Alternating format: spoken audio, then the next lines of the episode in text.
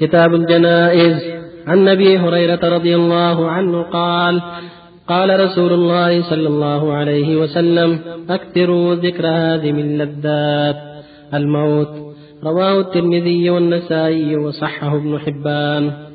وعن أنس رضي الله عنه قال قال رسول الله صلى الله عليه وسلم لا يتمنين أحدكم الموت لضر, لضر نزل به فإن كان لا بد متمنيا فليقل اللهم أحيني, أحيني ما كانت الحياة خيرا لي وتوفني ما كانت الوفاة خيرا لي متفق عليه. وعن بريدة رضي الله عنه أن النبي صلى الله عليه وسلم قال المؤمن يموت بعرق الجبين. رواه الثلاثة وصححه ابن حبان. صلى الله وسلم على رسول الله وعلى آله وأصحابه ومن اهتدى بهداه. أما بعد هذه الأحاديث ثلاثة تتعلق بالجنائز. يعني بالموت وما بعده. والجنائز جمع جنازة. بكسر الجيم وفتحها يقال جنازة وجنازة يعني الميت. والموت لا بد منه. كتبه الله على جميع العباد. كل نفس ذائقة الموت. فيشرع للمؤمن أن يكون على باله حتى يعد العدة. قال جل وعلا واتقوا الله واعلموا أنكم ملاقوه. فالمؤمن يعد عدة لهذا الموت من أجل ما بعده لأنه يقطع العمل هادم اللذات. ولهذا أكثر سبحانه من ذكر الآخرة والجنة والنار والحث على العمل ليغنم ويسعد في تلك الدار. يا أيها الناس إن وعد الله حق فلا تغرنكم الحياة الدنيا ولا يغرنكم بالله الغرور. إن الشيطان لكم عدو فاتخذوه عدوا. إنما يدعو حزبه ليكونوا من أصحاب السعير. معناه الحث على تذكر الموت وما بعده. وهكذا قوله جل وعلا يا أيها الناس اتقوا ربكم واخشوا يوما لا يجزي والد عن ولده ولا مولود هو جاز عن والده شيئا. إن وعد الله حق. فلا تغرنكم الحياة الدنيا ولا يغرنكم بالله الغرور. ولهذا هذا الحديث أكثر ذكر هذه اللذات الموت اجعلوا على بالكم كثيرا حتى تعدوا عدة والهادم القاطع لأنه يقطع اللذات الدنيا ولكنه يدري من لذات الآخرة ويقرب من لذات الآخرة وأولها ما يحصل له في قبره ولروحه في الجنة. ويقطع لذات الدنيا ولكنه في حق المؤمن ينقله إلى لذات الآخرة ولذات الجنة وما يحصل فيها من الخير العظيم. فإن روح المؤمن طائر يعلق بشجر الجنة حتى يرده الله إلى جسده كما جاء في الحديث الصحيح.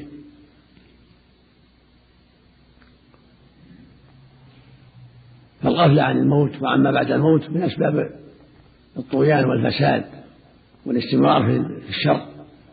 أما تذكر الموت وما بعده هو من أسباب التوبة والإقلاع والإعداد للآخرة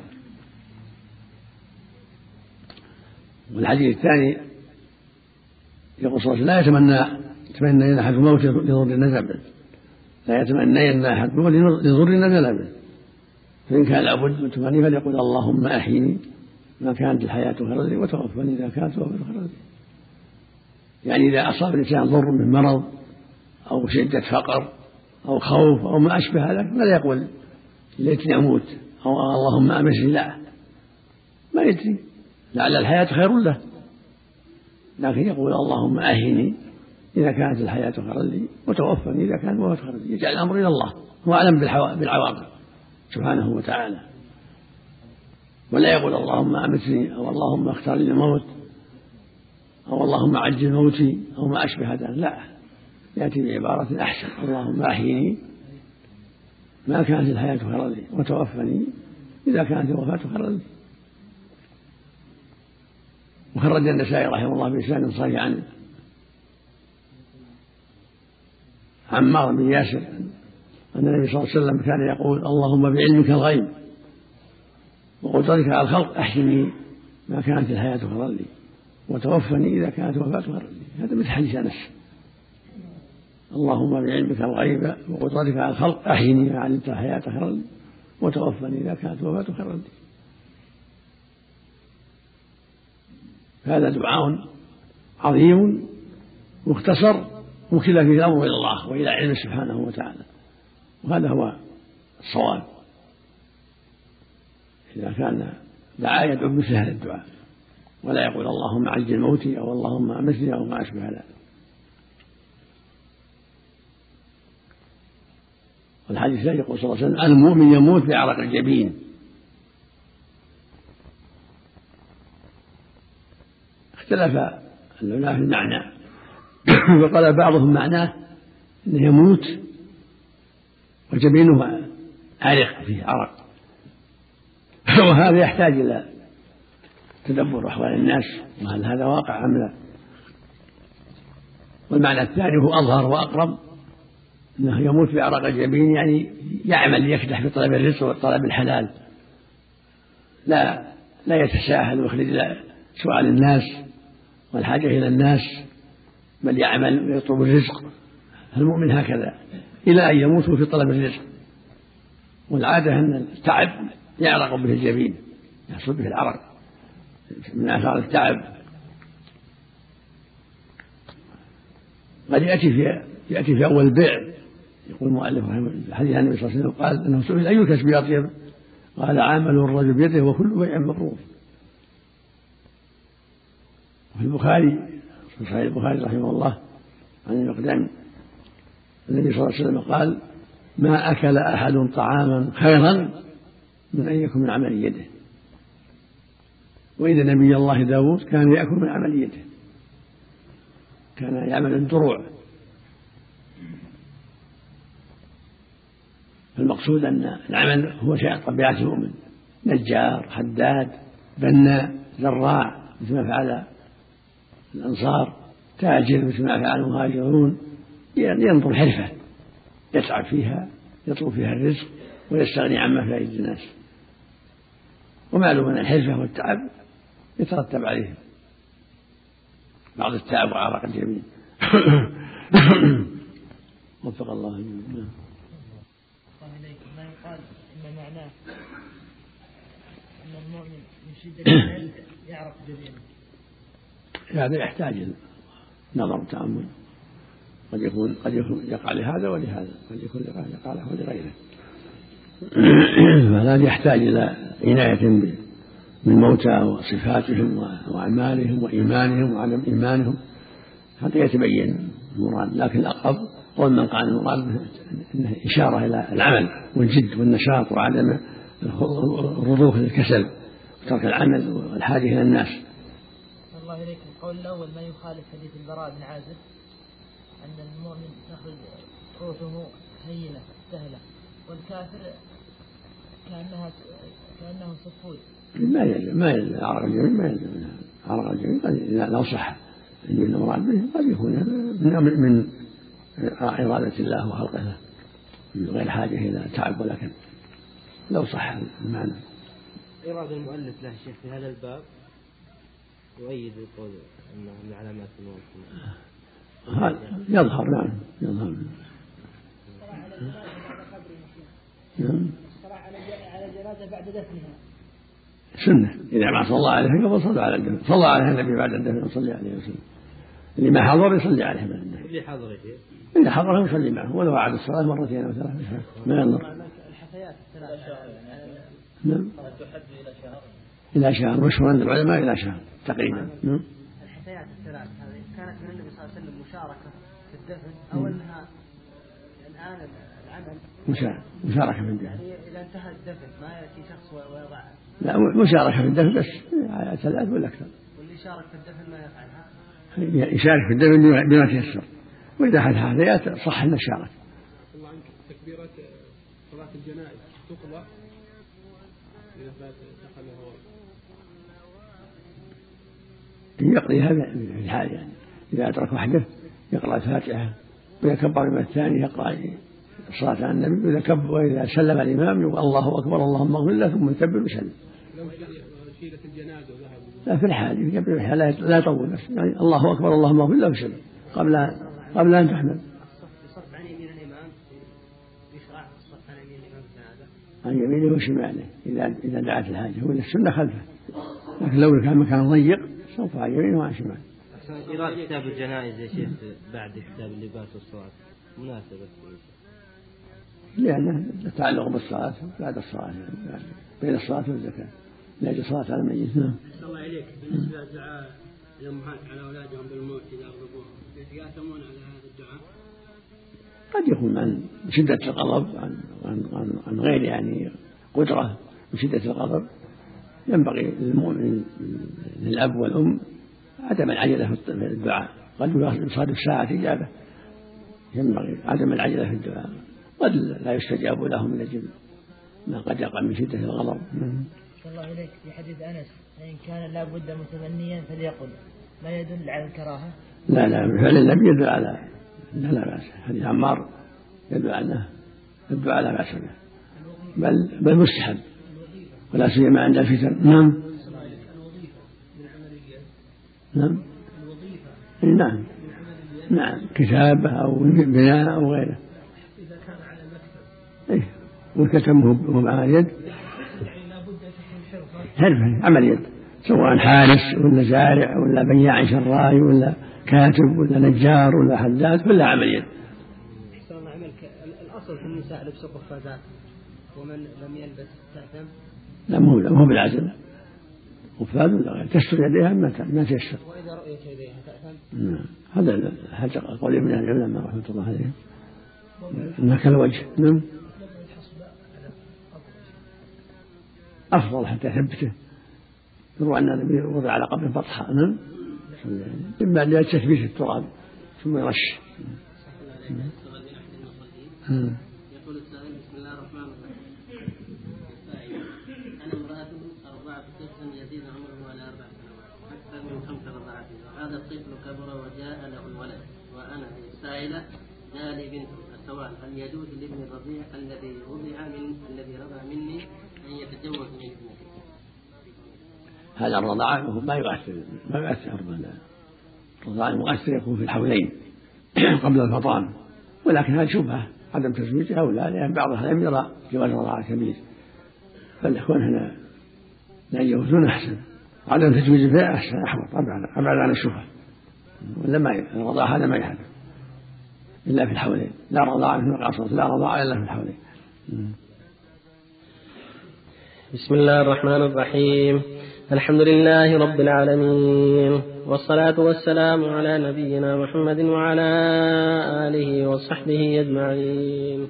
أما بعد قال الحافظ ابن حجر رحمه الله تعالى في كتاب الجنائز وعن نبي سعيد وأبي هريرة رضي الله عنهما قالا قال رسول الله صلى الله عليه وسلم لقنوا موتاكم لا إله إلا الله. رواه مسلم والأر- والأربعة. وعن معقل بن يسار أن النبي صلى الله عليه وسلم قال اقرأوا على موتاكم ياسين. رواه أبو داود والنسائي وصححه ابن حبان. وعن أم سلمة رضي الله عنها قالت دخل رسول الله صلى الله عليه وسلم على أبي سلمة وقد شق بصره فأغمضه ثم قال إن الروح إذا قبض.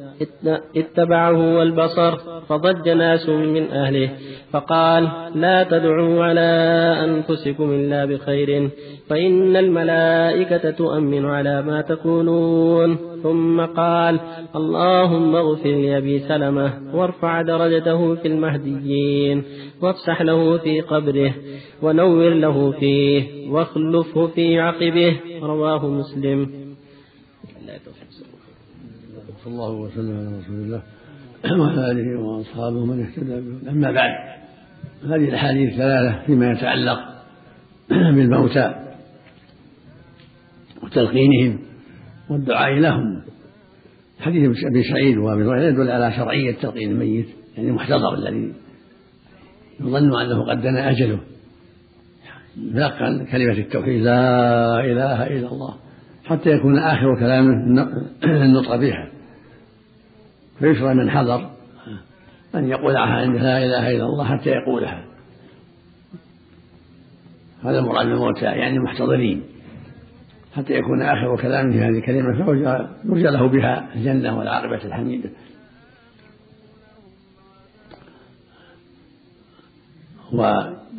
للحاضرين عند الميت أن يجتهدوا بما ينفعه من تذكيره التسبيح والتهليل والتحميد. وقراءة القرآن والاستغفار والتوبة يكون الحاضرون جلاس خير حتى يذكره ما ينفعه ومن ذلك تلقين هذه الكلمة لا إله إلا الله. هكذا قراءة ياسين عنده المحتضر من أسباب تذكيره بالآخرة توبته وإقلاعه من الذنوب رجوعه إلى الله جل وعلا وتشهير الموت عليه. والحديث رواه أبو داود والنسائي وصحابه بن حبان. وأقر المؤلف ابن حبان التصحيح ولم يعترض عليه دل على حسنه عنده. قد تكلم بعض أهل العلم في إسناده وقال إنه مضطرب بعضهم قال إن أبا عثمان في إسناده مجهول وبكل حال هو من أحاديث الفضائل فإذا استعمل فهو أولى. ولهذا صححه ابن حبان وأبو داود سكت عليه وأبو داود يسكت إذا رأى أنه صالح. فاستعمالها عندما احتضر قراءة ياسين ينفعه الله بها. الحديث الثالث حديث أم سلمة رضي الله عنها. النبي صلى الله عليه وسلم دخل على أبي سلمة زوجها من عبد الأسد المخزومي. قد شق بصره. يعني ارتفع بصره إلى السماء. فقال صلى الله عليه وسلم إن الروح إذا قبض تبعه البصر. الروح تذكر الروح اذا قبض ويقال الروح قبضت لكن الاكثر فيه التذكير. فضج ناس من أهله يعني ارتعوا أنه يعني توفي. فقال لا تدعوا عنه إلا بخير فإن الملائكة تؤمن على ما تقولون. يعني لا تكلمون بكلام طيب دعوات صالحة. لأن الملائكة تؤمن على دعائكم الآن فاحرصوا على الكلام الطيب. لينفع الميت ثم قال اللهم اغفر لأبي سلامة ورفع درجته المهديين وسأله في قبره ونوله فيه واخلفه في عقله دعوات عظيمة من النبي صلى الله عليه وسلم لأبي سلمة. وهذا الدعاء العظيم تؤمن عليه أيضا الملائكة. اللهم اغفر لأبي سلمة. وارفع درجته المهديين وافسح له في قبره ونوله فيه واخلفه في عقله دعوات عظيمة.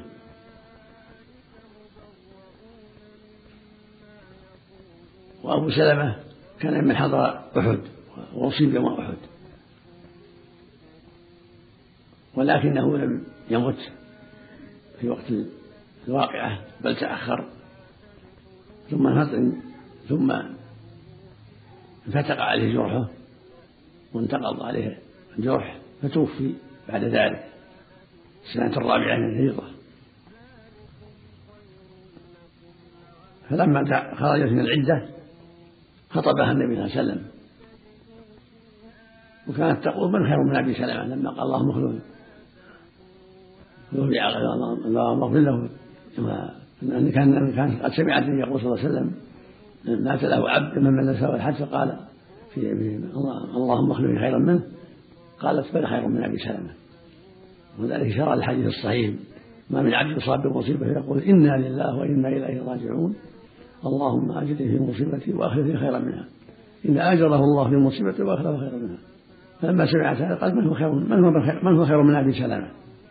فخطبها النبي صلى الله عليه وسلم وخلف الله عليها من هو خير به. فأجابت وتزوجها عليه الصلاة والسلام بعد أبي سلمة. ففي هذا شرعية الدعاء بالطيب بالخير لمن حضر الميت وأن الحاضر عنده يستحب لهم أن يدعو له بالخير وألا يدعو بكلام غير صالح وأن يصبروا ويحتسبوا ولا ينوحوا بل يتكلموا بالكلام الطيب والدعوات الطيبة مثل ما فعل النبي صلى الله عليه وسلم. اللهم اغفر لأبي سلمة وارفع درجة المهديين وافسح له في قبره ونور له فيه واخلفه في عقبه. من حضره يدعو له بالمغفرة والرحمة. ولا يقول إلا خيرا كما فعل الرسول صلى الله عليه وسلم حين حضر أبا سلمة. وفي اللفظ الآخر من الحديث أنه أغمضه في السنة إغماض الميت إذا حضره المسلم وشق بصره يغمضه لأن المنظر يكون غير غير مناسب. إذا شق بصره يكون منظر ليس بجيد فيغمضه من حضر من أقاربه وغيرهم. هذا كما كما أمر النبي صلى الله عليه وسلم. وفق الله الجميع. نعم. الله إليك تكرار آه، قول لا إله إلا الله عند الميت. إذا قالها بس لا يكثر إذا قالها كفى أو إذا قالها كفى الله إليك. حضور جنازة الكافر. حضور